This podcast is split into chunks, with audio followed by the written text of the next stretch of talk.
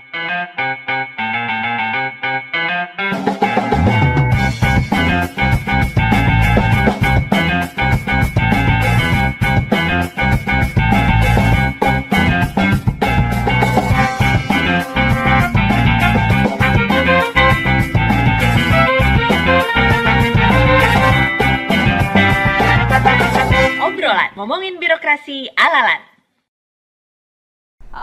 lagi di obrolan omongin birokrasi alalan. Kali ini kita akan ngobrol sesuatu yang eh, sedikit berbeda dari biasanya. Kita akan eh, membicarakan tentang kesehatan fisik dan juga mental di lingkungan pekerjaan. Nah, beberapa waktu yang lalu kebetulan saya mengikuti tes kesehatan sederhana dan ternyata hasilnya di luar ekspektasi saya yang saya selama ini pede-pede aja ada satu indikator yang ternyata sangat melambung tinggi eh, dan kebetulan dan hal itu membuat saya jadi kepikiran terus nggak bisa tidur terus eh, berakibatnya pada saya ngerasa kok badan saya nggak enak ya kok pusing ya sekarang ya. Nah kita sudah kedatangan dua orang narasumber. Yang pertama adalah seorang psikolog Mbak Ivana Jesslyn. Apa kabar, Mbak? Halo, halo Mbak Niken. Dan yang satu lagi ini adalah dokter dari Lembaga Administrasi Negara, Dr. Indra Eriska Hidayat MKM. Nah, iya. nah Mbak ini ngobrolin tentang eh, yang tadi saya bicarain nih. Sebenarnya apa ada hubungan sih antara kita eh, kesehatan fisik kita dan juga kesehatan mental. Oh, kalau kita kepikiran kok jadi rasanya badannya jadi sakit semua ya. Emang ada hubungannya sih antara fisik dan mental ini? Dokter Indra dulu mungkin. Iya, oke. Kalau eh, bicara masalah kesehatan itu kan kalau sesuai undang-undang juga disampaikan ya bahwa namanya kesehatan itu kondisi sehat eh, tidak hanya fisik, mental, sosial, bukan hanya bebas penyakit yang untuk meningkat- meningkatkan produktivitas ya, gitu Mbak Ivana ya. Iya, Jadi memang kalau dibilang berkaitan itu memang menjadi bolak-balik gitu ya.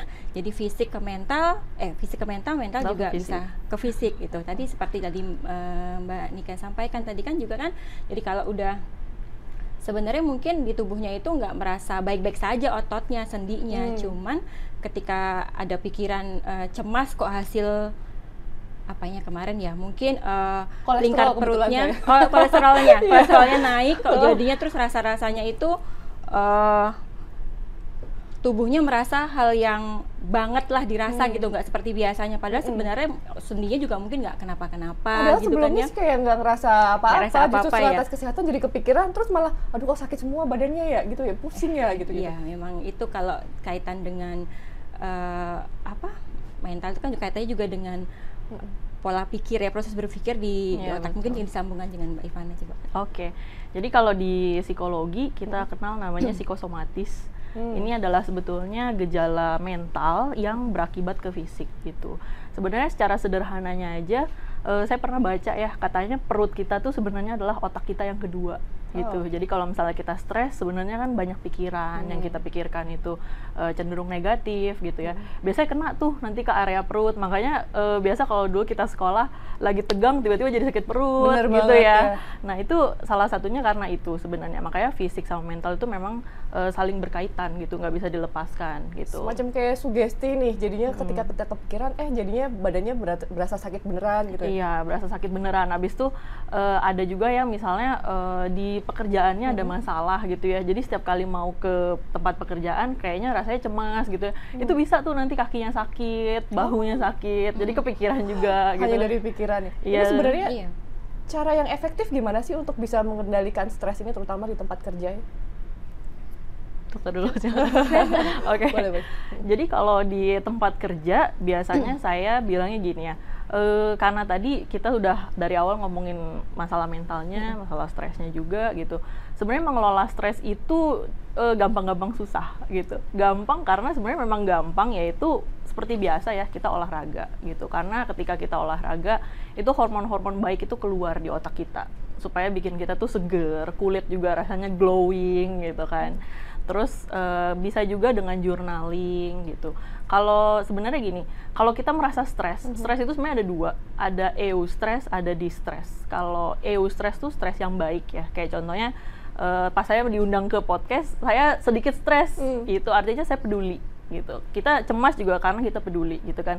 Cemas nih saya uh, cantik nggak ya? gitu ya. Kita berkaca karena kita peduli dengan penampilan kita. Itu eustress itu stres yang baik. Contohnya juga kayak misalnya mau ujian stres kan makanya belajar gitu. Kalau santai aja ya ya udah santai aja nggak usah belajar gitu kan. Tapi ada yang namanya distress gitu.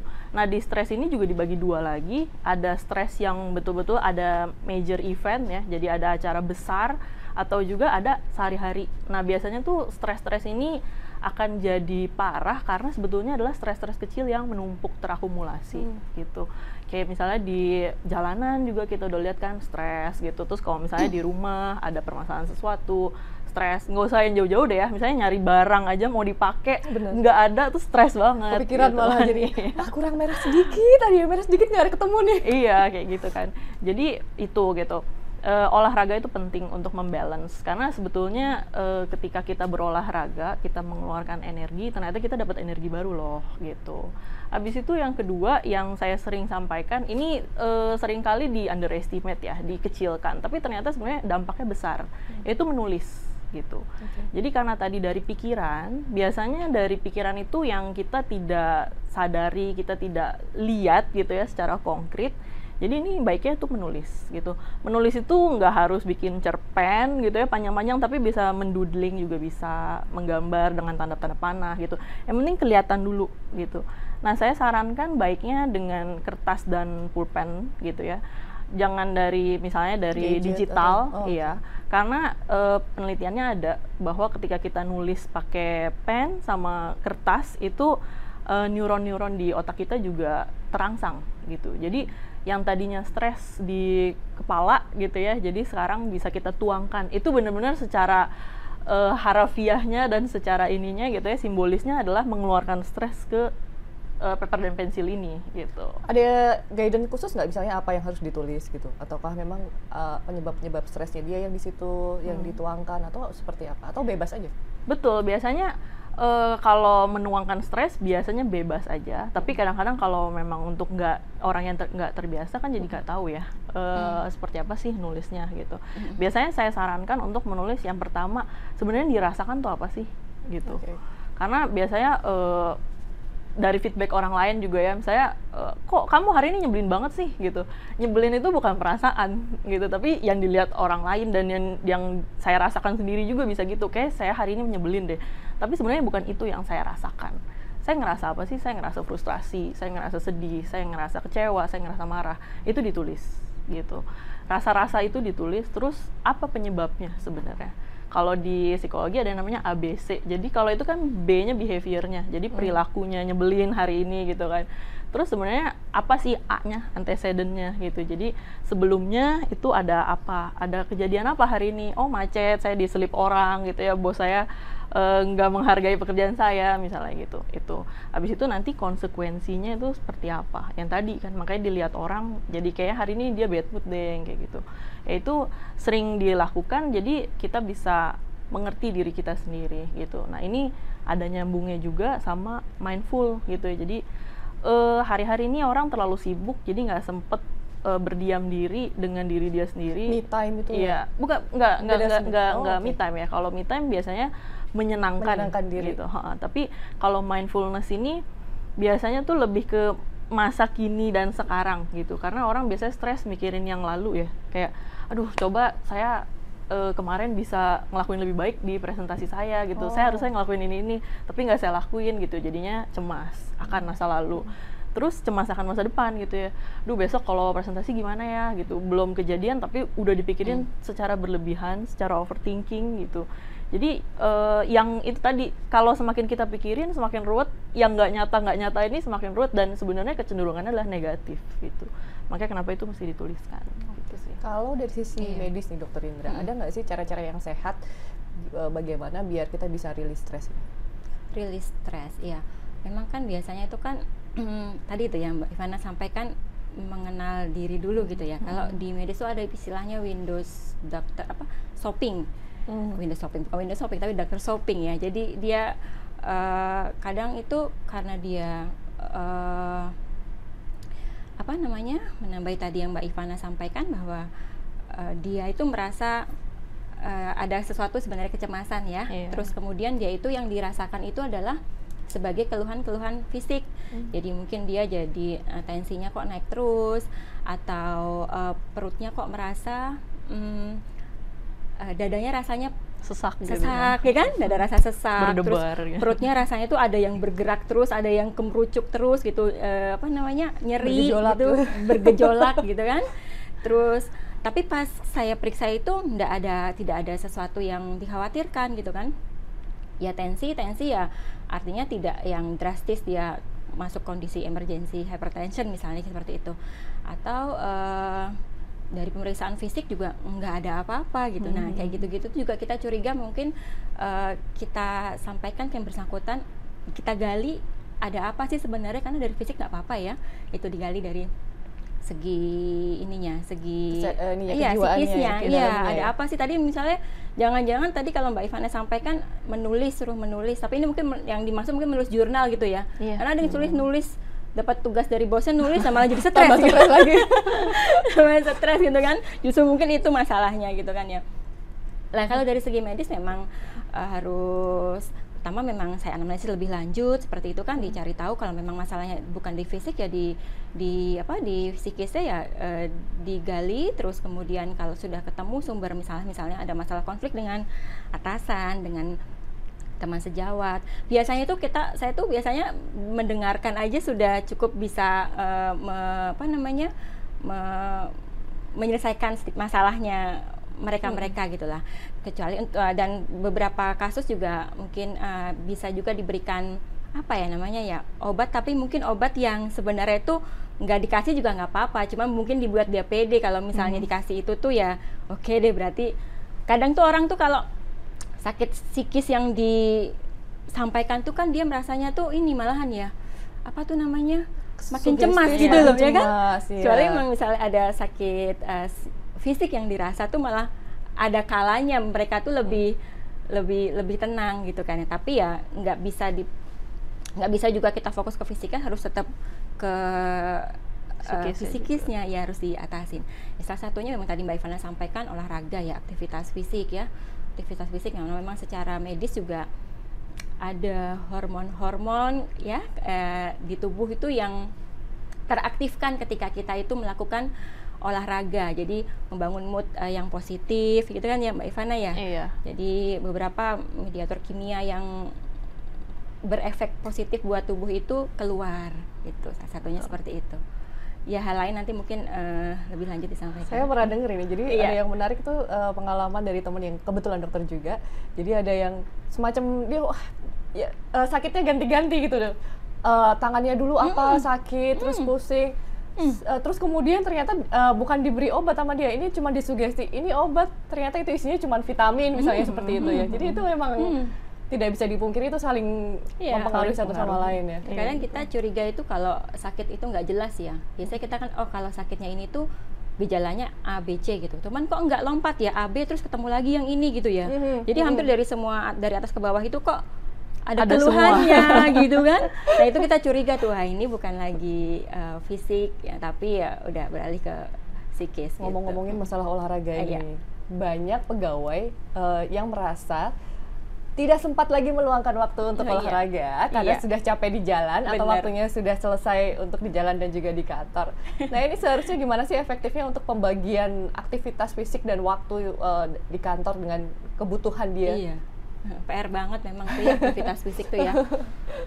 Eh, terkadang itu ya gaya hidup kita sedentary kan ya banyak ya kita pekerja, pekerja kantoran lebih banyak aktivitas duduk, ya Duduk. depan eh, komputer terus kemudian eh, jalan-jalan tuh enggak lah ya kan dimudahkan oleh teknologi mau telf mau nyamper mau komunikasi sama temen ruang sebelah aja telepon Telepon. sekarang kan nggak lagi melangkah gitu kan ya Ya, tapi aktivitas fisik itu memang mau nggak mau harus dikondisikan, di, dipaksakan gitu ya judulnya ya. Betul, betul. Jadi kalau WHO sampaikan itu aktivitas fisik itu untuk membuat sehat, membuat bugar itu 150 menit per minggu. 150 menit per Iya, minggu, berarti iya. per Jadi hari artinya kurang lebih? mungkin kalau dibagi eh, lima lah mungkin gampangnya ya. Jadi mungkin 30 menit sehari. 30 menit Tapi itu mungkin kita kalau 30 menit ya itu bilang ah kebanyakan saya mah habis bangun tidur juga langsung siap-siap harus masak gitu kan bisa aja kok dibagi kok misalnya jadi 10 menit di awal nanti terus uh, ada waktu lagi 10 menit ada waktu lagi di, di sore 10 menit gitu mulai latihan kalau kita kita yang menggunakan transportasi umum nih Jabodetabek nih iya. KRL atau iya. Uh, iya. dari bus segala macam ya itu sebagai alasan ah kan aku udah olahraga di kereta udah di, uh, olahraga di bis itu boleh nggak sih dibilang iya. aktivitas kan, fisik gitu? benar itu aktivitas fisik juga memang. Benar itu aktivitas fisik juga. Kita nggak hanya sed, sed, uh, sed, sedentari ya apa namanya duduk aja rebahan aja gitu. Cuman itu salah satu aktivitas fisik namanya aktivitas fisik ringan gitu ya. Aktivitas fisik ringan itu sama sih pergerakan tubuh oleh otot rangka menghasilkan energi. Cuman kilo kalorinya yang dihasilkan itu sedikit. Hmm. mungkin uh, kurang dari tiga setengah kilo kalori ya namanya. Itu kilo kalori per menitnya. Jadi kalau kegiatan-kegiatan seperti jalan jalan antar ruang kerja jalan di rumah terus kita nyuci juga bisa nyuci nyapu ngepel terus kegiatan apa namanya uh, anak sambil lari-lari ya benar gitu ya jadi artinya itu dong ya. namanya aktivitas fisik curhat uh, ibu-ibu nih kategori ringan oh, ya okay. jadi nggak ada gerakannya tidak ter terstruktur mm-hmm. tidak berkesinambungan dan tidak ada target denyut nadi tapi sebenarnya kalau di medis itu ada denyut nadi maksim uh, denyut nadi target maksudnya kalau kalau untuk mencapai kondisi bugar kondisi lebih sehat itu dalam kategori moderate. Moderate itu artinya uh, minimal 70 sampai 80 persen. Denyut nadi itu tercapai. Denyut yeah. nadi maksimalnya tercapai. Eh 70 sampai 80 persen dari denyut nadi maksimal itu tercapai. Denyut nadi maksimal itu uh, rumusnya 220 dikurangin usia kita. Waduh. Iya, berapa? Kalau misalnya bandingkan berapa? Bandingkan usianya misalnya 30 misalnya ya, 30. Oh, Oke, okay, alhamdulillah. Oke, 30. Ya, 220 kurangi 30 berarti kan 190. Uh, 70 persennya berapa? 9 kali 7 tuh misalnya ada uh, 140-an, 140 sampai 160, 150 lah kalau tercapai itu nah itu sudah kategori moderate itu okay. udah udah bisa menimbulkan okay. kita itu. Jadi ada acuannya yang Ada acuannya itu semua ya, ada okay. acuannya di Nah, WHO. ini ngomong-ngomong tentang uh, work life balance kan iya. keseimbangan iya. tadi. Jadi bagaimana sih uh, yang idealnya untuk menyeimbangkan antara stres kita atau kehidupan kita di dalam kantor dan juga kita juga harus memikirkan kesehatan fisik dan hmm. mental hmm. kita sebagai seorang pribadi. Boleh dari Mbak Ivan. Oke. Okay kalau uh, menyeimbangkan work life balance ini biasanya kita uh, akan kasih saran uh, kami para psikolog akan memberikan saran yaitu hobi okay. gitu jadi sebenarnya hobi ini juga sama. Jadi banyak hal tentang fisik ini uh, terlalu dipikirkan begitu dalam gimana ya fisik betul yang kayak tadi hmm. Dokter Indra sampaikan. Kayaknya orang kalau dibilang oh kamu sakit fisik sama oh kamu uh, yak nama gitu. Hmm. Kayaknya lebih rileks yang kena mah karena dia pikir ada obatnya gitu. Hmm. Tapi sebenarnya uh, psikis juga seperti itu gitu. Obatnya apa sih untuk uh, mengcounter work life balance ini adalah dengan hobi hobi apa yang biasanya dilakukan ketika waktu luang gitu. Oh saya nggak ada waktu luang, coba dicari dulu uh, apa sih yang disukai gitu untuk dilakukan. Mungkin sebelum kerja di perusahaan yang begitu padat ini senang berkebun gitu ya, senang melukis, itu dilakukan lagi. Tapi gitu. emang itu harus dilakukan ya untuk work life Harus balance? dilakukan, iya.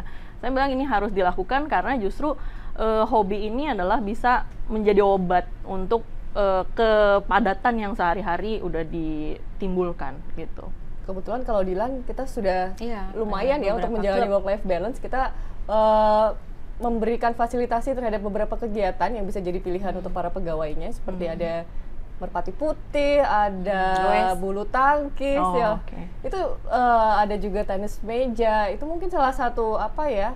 Uh, rilis yang bisa kita lakukan ya untuk ya, melepas beban-beban itu ya. Itu udah dua faktor ya, berarti hmm. ada olahraganya, hmm. ada juga sosialnya. Hmm. Karena dukungan sosial juga penting untuk uh, kita dapatkan gitu. Karena bagaimanapun kodratnya manusia adalah makhluk sosial gitu. Hmm. jadi kalau sendiri aja memang tidak baik gitu. Kalau ngomongin makanan nih menu makanan hmm. ada nggak uh, apa ya anjuran-anjuran yang bisa support kita supaya kesehatan fisik kita juga tetap bagus dan ada pengaruhnya juga ke kesehatan mental? Makanan, iya, makanan faktor penting sekali untuk me- menjaga kesehatan mental juga ya. Kan kalau mental itu kan semua pusatnya di benar nggak Bivana? di otak kan Iya, ya. betul, betul. Jadi nutrisi otak yang tercukupi dengan baik, insya Allah itu mendukung terciptanya kesehatan mental juga yang baik gitu kan ya.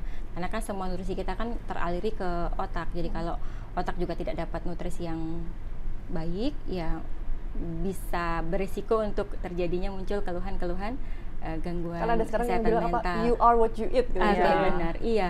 Jadi mm, nutrisi, nutrisi itu kan kalau sekarang kan kalau ya kalau di kita kan panduannya kalau nggak dari WHO ya Kemenkes ya Indonesia ya. Jadi kalau namanya kan sekarang gizi seimbang gitu kan ya. Di gizi seimbang kalau satu piring itu ya, tapi piringnya piring yang piring makan ya, bukan piring yang apa? Piring sayur, baskom gitu kan ya. Jadi itu kan ada eh, bagusnya itu nasi itu sepertiga Sepertiga dari porsi ka- kita. karbohidrat lah ya karbohidrat sepertiga bisa dari nasi dan sejenisnya terus sayuran itu porsinya juga sepertiga Mhm. terus yang seper enamnya berarti eh seper enam apa Eh, separuhnya seper, sepertiga lanjutnya lanjutnya itu ada isinya ada bu, untuk buah dan lauk gitu Serat kan. ya. ya itu kalau kondisi kita kondisinya eh, normal alias sehat tidak ada gangguan ginjal tidak ada gangguan fungsi hati atau tidak ada gangguan apa namanya eh, darah apa eh, gula darah tinggi misalnya gitu. Kalau ada gangguan-gangguan itu ya harusnya disesuaikan lagi gitu. Itu dikonsulkan lebih lanjut eh, baiknya seperti apa untuk penghitungan kalorinya. Karena memang penghitungan eh, based onnya kan based on pria wanita juga kebutuhan kalorinya beda, Beda. ya. Usia berapa juga berbeda. Jadi itu memang ada apa namanya kekhususan bagaimana kita menghitung kebutuhan kalori dan bagaimana kita mencukupkan itu dengan aktivitas aktivitas kita sedentary aja rebahan-rebahan aja beda kalorinya. Aktivitas kita eh, apa namanya low aktif eh, gitu. Atau aktif banget super aktif beda lagi kebutuhan kalorinya gitu kan ya. Iya, tapi itu eh, rumit sih sebenarnya kalau menghitung kalori nanti ada ahlinya lagi gitu kan secara umum. Tapi eh, kalau misalnya kalau eh, wanita usia produktif itu antara eh, 2000 apa ya 2200-an ya. 2000 terus eh, kalori per hari. yang wanita. Kalau yang laki-laki ya biasanya Lebih banyak ya? 400 sampai 500 iya seperti itu iya. Nah makin lanjut usia tuh kebutuhan kalorinya makin Semakin turun. makin turun sebenarnya. Biasanya kita udah makin lanjut usia makin punya penghasilan mapan eh makanya banyak gitu kan makin tapi sebenarnya saya kebutuhan kalorinya memang eh, berkurang. Nah kalau kebutuhan kalorinya eh, banyak intake-nya harusnya keluar juga banyak. Artinya aktivitas fisiknya harus diimbangi dengan itu. Iya, seperti itu sih. Untuk eh, nambahin dokter Iya. Indra, biasanya kalau di psikologi gitu ya, saya akan kasih saran untuk kurangi gula. Oh malah kurangin gula. Kurangi gula. Heeh. Karena sebetulnya eh, saya pernah baca, Ada pengaruh ke hormon atau apa? betul, betul. Jadi kalau gula kita naik, itu kan eh, yang hormon naiknya itu adalah insulin untuk menekan gula darah gitu. Nah, insulin inilah yang membuat kita tuh kalau insulinnya tinggi akan kegangguan semua ya, Dok ya, sampai kegangguan reproduksi juga kayak gitu-gitu Iya. ada gitu kan. Kalau yang perempuan bisa terganggu menstruasinya kayak gitu. Nah, kalau udah terganggu menstruasinya berarti yang terganggu kan hormonnya. Nah, hormon pasti terganggu lagi tuh ntar psikisnya gitu kan. Biasa kalau cewek-cewek ada yang premenstrual syndrome ya PMS PMS tuh bawaannya gelisah bawaannya eh, irritated ya kayaknya cepet banget marah gitu. Nah itu sebenarnya eh, gangguan dari hormon yang keluar ke perilaku dan perasaan kita gitu itu sih. Pengaruh juga ya ke kesehatan mental kita ya ternyata makanan itu. ya. Kita taunya Iya. cuma asupan buat badan doang, tapi ternyata ada Iya. Mhm. lebih aware sih yang kayak tadi saya bilang ya lebih mindful jadi kalau mau makan jangan cuma asal oh ya udah pesan-pesan ini ini ini tapi apalagi zaman sekarang ya gampang banget ya. Pakai Iya. jempol doang. makanya jadi diperhatikan karena kopi-kopi teh kemasan yang kita minum yang kita pesan sama-sama gitu ya itu kalorinya udah sangat tinggi sekali gulanya Kopi-kopi ya ini teman-teman di sini nih semua ini pada doyan kopi. Iya, Harus gula. mulai aware juga berarti ya. Hmm, Iya, benar, bukan benar. salah kopinya ya tapi gulanya Oh, itu gulanya. gulanya yang lebih ini gitu karena biasanya eh, suka kopi sebenarnya karena butuh asupan gulanya untuk energinya Iya. itu gitu kan jadi itu yang lebih diperhatikan Jangan-jangan gitu ya, kadang-kadang kita ah kopi-kopi itu karena sebenarnya kita Butuh. badannya Iya, edik sama gulanya addict itu. ya? sama gulanya ya nah itu juga ya kebiasaan jadi karena udah kebiasaan didorong sama gula badan kita jadi apa ya jadi males untuk membakar energi dari dalam gitu jadi Iya. karena kalau kurang ya udah cepet aja minta jadi kepengen lidahnya itu kepengen Craving gitu kan. maunya mak meal gitu ya dari Iya. situ juga dorongannya. ada ininya kok ada ada patokannya standar ya kalau untuk gula tuh seharusnya berapa sih sehari gitu kan ya kalau bicara itu kan standarnya itu kalau gula itu paling tidak itu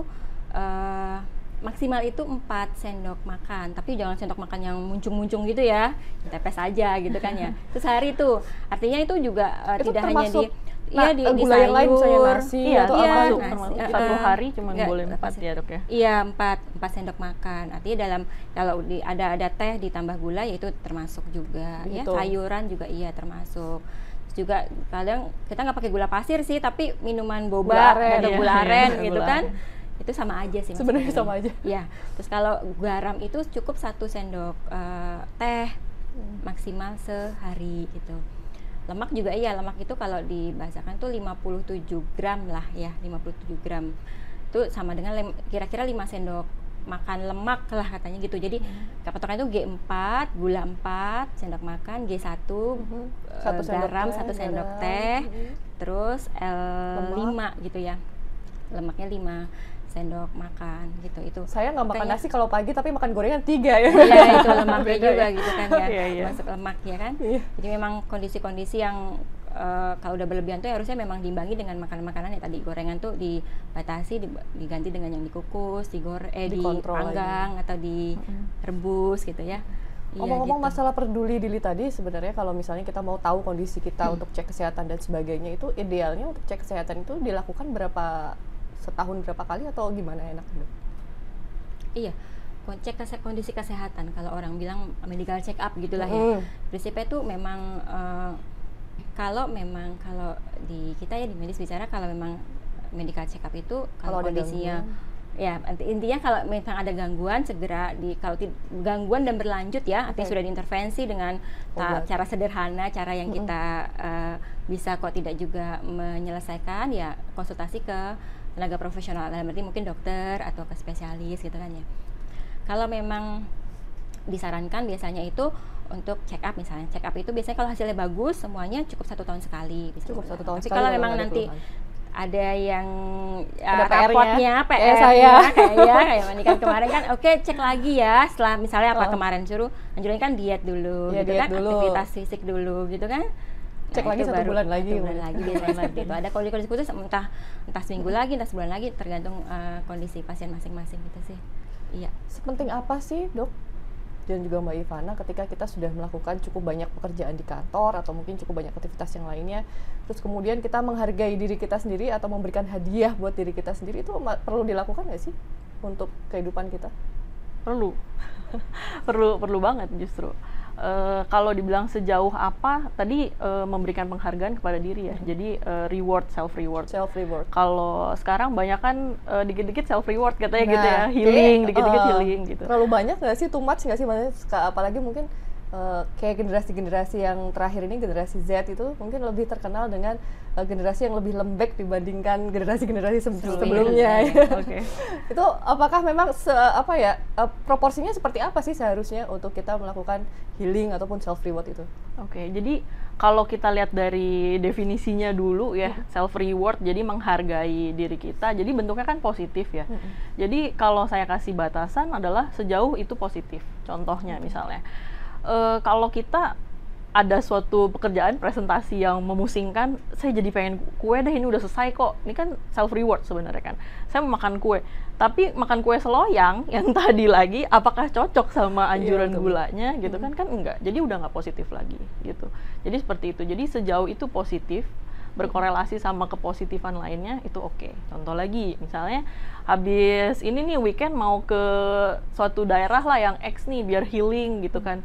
Tapi untuk ke sana memakan biaya yang meminimal meminimalisir dompet gitu kan. Nah, itu kan tidak positif. Udah ada akhirnya. belum budgetnya Iya, gitu ya? seperti itu. Jadi sejauh itu memberikan efek positif gitu ya ke seluruh aspek uh, kehidupan ya. Jangan sampai ya siapa sih yang nggak senang misalnya liburan mewah gitu ya. Pasti itu akan membuat kita uh, sangat sejahtera secara psikis gitu ya.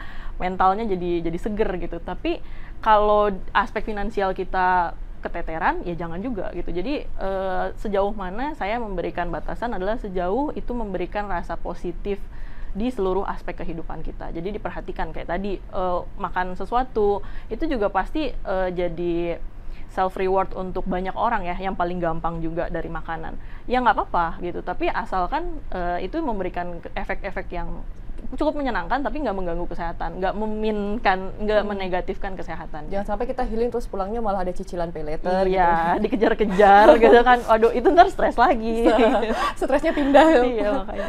Nah kalau dari sisi eh, kesehatan kayak misalnya tadi eh, dianjurkan untuk diet eh, ini ini ini ini gitu. Terus eh, ada hari-hari yang kita istilahnya cheating day seperti itu. Itu komposisinya seperti apa tuh dok? Seberapa banyak boleh kita cheating day? Seberapa banyak nggak ada panduannya juga ada ya nggak ada khusus aturannya kalau itu ya. Jadi tergantung katanya kembali lagi ke, ke kesehatan mental. Gimana kita mengendalikan diri, Diri ya kita. mengendalikan emosi kita untuk uh, cheating berlebihan misalnya gitu kan ya. Kan kadang-kadang kita tuh memang tahu cuman terus melanggar gitu kan ya. Kalau nggak sengaja atau ah nyerempet dikit ya nggak apa-apa. Tapi kalau terus biasanya terus kebablasan gitu ya Keterusan cheatingnya. terusan cheatingnya itu yang itu nariknya lagi nanti susah gitu kan ya Oke, jadi eh, balik lagi emang harus Iya. kita eh, apa ya Iya, secukupnya, sama, iya, sewajarnya dinilai lagi gitu ya dok ya. fisiknya ini tapi ya sebenarnya kan mentalnya juga pokoknya harus dipikirkan Betul sih dok. dua-duanya lah Sebenarnya lah. tahu ya, sebenarnya Iya, tahu tapi tahu gitu. emosinya ini gitu. Sebenarnya saya Udah tahu lah, lanjut kalau saya aja. makan gorengan ini angka saya naik lagi. tahu gitu kan Sebenarnya tahu. gimana ya gitu kan Enak sih gitu. nah itu em, bagaimana kita cara untuk lebih mengendalikan emosi ya mengendalikan Hmm. diri eh, itu juga eh, itulah harus eh, dilatih atau itu ya untuk menjaga salah satu komponen dari kesehatan mental juga seperti itu Saya melatih diri. Kita ngomong saat ini mungkin misalnya eh, tekanan itu sera- rasanya lebih banyak tekanan saat ini dibanding ketika masa-masa kemarin gitu karena mungkin sosial media lebih di masa-masa kita muda gitu Ya, gitu. udah tua sekarang berarti saya. Maksudnya lebih terekspos kehidupan orang atau kita lebih mengekspos kehidupan kita dengan sosial media atau mungkin eh, tekanan atasan dan sebagainya. Kayaknya pressure lebih banyak gitu ya. Terus eh, seperti apa yang kita lakukan tidak dihargai atau tidak diapresiasi oleh lingkungan sekitar. Itu eh, bagaimana ya kita bisa mensikapi hal itu? Bagaimana eh, kita memandang itu sebagai sesuatu yang positif even lingkungan kita say no gitu. Oke. Jadi ini eh, ada dua dulu yang kita bahas ya. yang pertama adalah tekanan itu lebih banyak sebenarnya kar- karena apa sih? Sebenarnya karena kita yang menjangkau gitu, tangan kita yang ngambil tekanan itu gitu. Tadi Mbak Niken sebenarnya udah udah sampaikan gitu. Tekanan hari-hari ini lebih banyak daripada tekanan 10 tahun yang lalu misalnya gitu kan. Karena ya itu, karena tekanan itu datangnya dari mana sih sebenarnya? Apakah betul tekanan atau diri kita yang menekan diri kita sendiri Oke. gitu kan? Belum tentu dari lingkungan tapi belum tentu dari iya belum tentu dari lingkungan contohnya misalnya eh, sekarang kan banyak hustle culture ya gitu hustle culture tuh kayaknya kalau weekend nggak di depan laptop lu nggak keren gitu kan lu nggak sibuk gitu kayak kalau orang hari-hari ini eh, hari ini sibuk apa Enggak sih, gue cuma kerja aja ya gitu biasa aja gitu. Kayaknya nggak keren jawabannya gitu. Harus yang kayak, iya nih gue mesti meeting ini. Jadi mesti sibuk gitu. Nah, kesibukan ini kan kita lihat dari membandingkan diri kita sama orang lain. Ya, itu mencuri kebahagiaan banget tuh untuk membandingkan seperti itu. Jadi tekanan itu sadarilah bahwa kadang-kadang tekanan itu setengahnya atau bahkan lebih 80 persennya itu sebenarnya datang dari pikiran kita sendiri gitu. Nah kalau bagaimana tadi mengatasinya, yaitu tadi eh, lebih lebih menyadari itu tadi ya mindful itu penting sekali menyadari bahwa kita ini sekarang di sini eh, dan harus melakukan ini. Jadi nggak usah mikirin yang masa lalu dan masa depan gitu. yang ada sekarang Yang ada dihadapi. sekarang aja. Contohnya makan. Hari-hari ini berapa banyak sih orang yang makan sambil nggak ngapa-ngapain? Jarang loh. Makan pasti sambil nonton. nonton ya kan? handphone Iya. di depan laptop Iya, sambil Posting dulu, nge-scroll. di-posting dulu. Posting dulu. Abis posting dilihat dulu like-nya Iya, iya, berapa like-nya ya. berapa baru gitu. naik Ya, kan. jadi semua itu serba ke distract. Nah, ini sebetulnya tanpa disadari Iya. bahwa otak kita juga nangkepnya beda gitu. Ot- Iya. otak kita nggak mendapat kepuasan dari makanan tadi gitu. Jadi otak kita ngerasanya balik lagi tadi kayaknya belum makan nih kata si otak gitu. Jadi kayak harus lagi nih gitu. Karena dia nggak mendapat kepuasan saat dia makan. Karena tadi makan sambil nge-scroll itu kan ada hal lain yang mendistrak dia gitu. jadi itu yang seolah-olah tubuh kita belum makan padahal Iya. udah selesai makan. Iya. Seberapa sering kita kelewatan makan karena kita sambil nonton? Sambil sambil Iya. nonton toto udah udah udah sekilo nih keripik singkong gitu kan udah habis gitu. Ya karena tidak sadar tadi kan. Padahal kalau kita lihat nih piring kita wih ini gue makan banyak banget sampai sampai munjung gini. Itu bisa sadar kalau kita benar-benar ngelihat ada di situ gitu merasakan benar-benar kayak kita misalnya di ASN sekarang ini posisinya eh, mungkin sebagian besar publik juga menganggap bahwa ASN itu kinerjanya apa sih? Cuman duduk-duduk aja di di kantin misalnya, cuman tongkrong-tongkrong aja, tapi begitu apa namanya misalnya ada kenaikan gaji atau apa yang kadang-kadang nggak seberapa ya, kalau dihitung-hitung tuh seratus ribu juga nggak nyampe, tapi tuh eh, publik tuh kayaknya udah ngelihatnya tuh ih ini banget ini ASN ini nggak ngapa-ngapain aja gaji naik setiap tahun misalnya seperti itu. Itu eh, bagaimana kita harus apa ya itu boleh nggak sih kita tuh kadang-kadang ah, apa ya tidak memikirkan itu atau mungkin menganggap itu sebagai sesuatu yang apa sih nggak penting gitu Nah, Oke. Jadi eh, kalau masalah yang itu apresiasi ya, yang tadi ya, nggak nggak nggak merasa kita tuh merasa nggak diapresiasi gitu. Eh, untuk ASN sendiri karena eh, dampaknya ke publik gitu dan banyak banyak masyarakat yang berbicara seperti itu pasti tekanannya jadi ada gitu kan pressure gitu. Eh, tapi saya nggak kayak gitu loh. Tapi Iya. sebetulnya kan secara secara eh, kalau kita lihat kebenarannya gitu ya, kita mesti lihat sebenarnya motif di balik itu apa sih gitu. Maksud saya begini, kalau kita kerja sebetulnya yang yang eh, ketika pekerjaan kita itu berhasil, itu sebenarnya udah reward tersendiri kok buat kita gitu. Kalau memang eh, secara niat kita adalah untuk bekerja menghasilkan yang terbaik seperti itu kan. Kalau pekerjaan kita berhasil pasti kok sebenarnya kita udah udah merasa dihargai itu udah balik lagi kok ke kita sebenarnya karena udah udah ada buahnya gitu dari pekerjaan kita. berarti kita boleh merasa apa ya punya eh, kebanggaan atau punya ini terhadap apa yang kita lakukan itu berarti boleh? Harus harus justru. Oh, harus harus. Kalau misalnya tapi kebanggaan lain dari sombong ya Iya, gitu. oke. kalau kebanggaan atas hasil karya kita gitu dan kita mau bangga ke depannya pasti kan itu akan mendorong kita untuk berbuat lebih baik lebih baik lebih Hmm. baik lagi gitu. Untuk lebih excellent lagi gitu. Dan yang tadi saya bilang eh, ketika simpelnya misalnya bosnya atasannya tidak menghargai cukup hargai diri kamu aja. Setidaknya eh, kita menghargai diri kita sendiri. Karena ini kita sudah bekerja keras gitu. Baik lagi yang tadi jangan terlalu membandingkan lah sama orang lain. Kok dia udah dipromosiin saya nggak dipromosiin promosiin padahal saya begini-begini. Nah itu dilihat lagi motifnya. Kerjanya untuk dilihat atau kerjanya untuk berbuah sebenarnya gitu Eh, cuman Cari buat pamer sama orang doang buat pamer sama atau orang atau emang ini gitu. Nah tadi eh, menghargai diri sendiri itu penting karena ketika kita nggak menghargai diri sendiri apa pun yang kita punya nggak kelihatan ngeliatnya diam dulu diam dulu gitu kan the Oh, grass is always begitu. greener gitu kan si Iya tetangga punya Rumput gitu. tetangga tetap lebih jagoan dibanding lebih, punya iya sendiri. lebih hijau gitu kan padahal ya belum tentu eh, juga ya. rumput hijau di mana kamu menyiramnya kan gitu. Hmm. Jadi ketika kebanggaan itu, kecintaan sama diri kita sendiri kita pupuk. Oh ya, kerjaan saya memang belum setinggi dia, tapi saya yang kemarin itu mendingan saya yang hari ini loh, karena saya udah mengerjakan ini ini. Itu ya. self achievement kita sendiri juga harus dihargai ya, sama harus diri kita harus sendiri diakui juga Oke, gitu. Oke. Oke.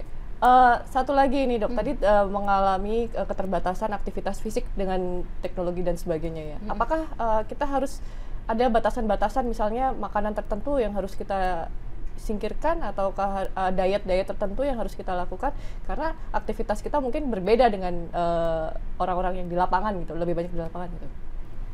Iya.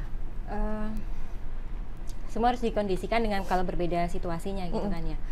Orang di lapangan mungkin dia eh, aktivitas fisiknya lebih banyak gitu kan. Tapi kita kan bisa ada namanya latihan fisik. Kalau latihan fisik itu kita bisa latih juga di rumah sebenarnya. Dia memang latihan stretching penguatan otot misalnya gitu, itu bisa dilakukan cukup misalnya. Nah, lagi sekarang ada hit ya. Jadi kan dia cukup sebentar aja tapi dia pembakar kalorinya lebih Oh, oke. lebih Bisa di lebih- inilah ya, Iya, siasati ya. se- di, di, di- mana memang harus disiasati dan dikondisikan kita meluangkan waktu memang judulnya itu ya kata memang kalau kalau ada waktu kalau menyiapkan mengalokasi apa namanya nunggu waktu ada kayaknya Nggak kalau nggak ada, kita ciptakan ada. nggak ada gitu kan ya jadi, Jadi memang- waktunya harus diciptakan. Iya, waktunya harus diciptakan. Karena memang secara penelitian banyak sekali efek dari aktivitas fisik itu. Bahkan misalnya kayak penyakit, penyakit-penyakit tertentu, penyakit. Nah sekarang trennya itu kan penyakit eh, tidak menular namanya ya.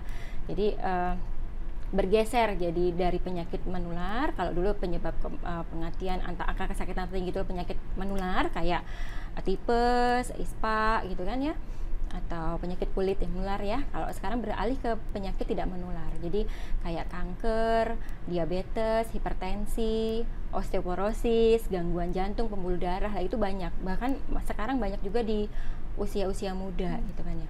Nah, eh, Itu salah satu faktornya lifestyle juga ya dok? lifestyle benar memang kan sekarang juga memang lifestyle-nya itu kan ya itu tadi ya kita makan tinggi kalori, banyak gula, banyak garam, Aktivitasnya rendah. aktivitasnya rendah. Nah, itu semua itu bisa dikendalikan atau di apa namanya?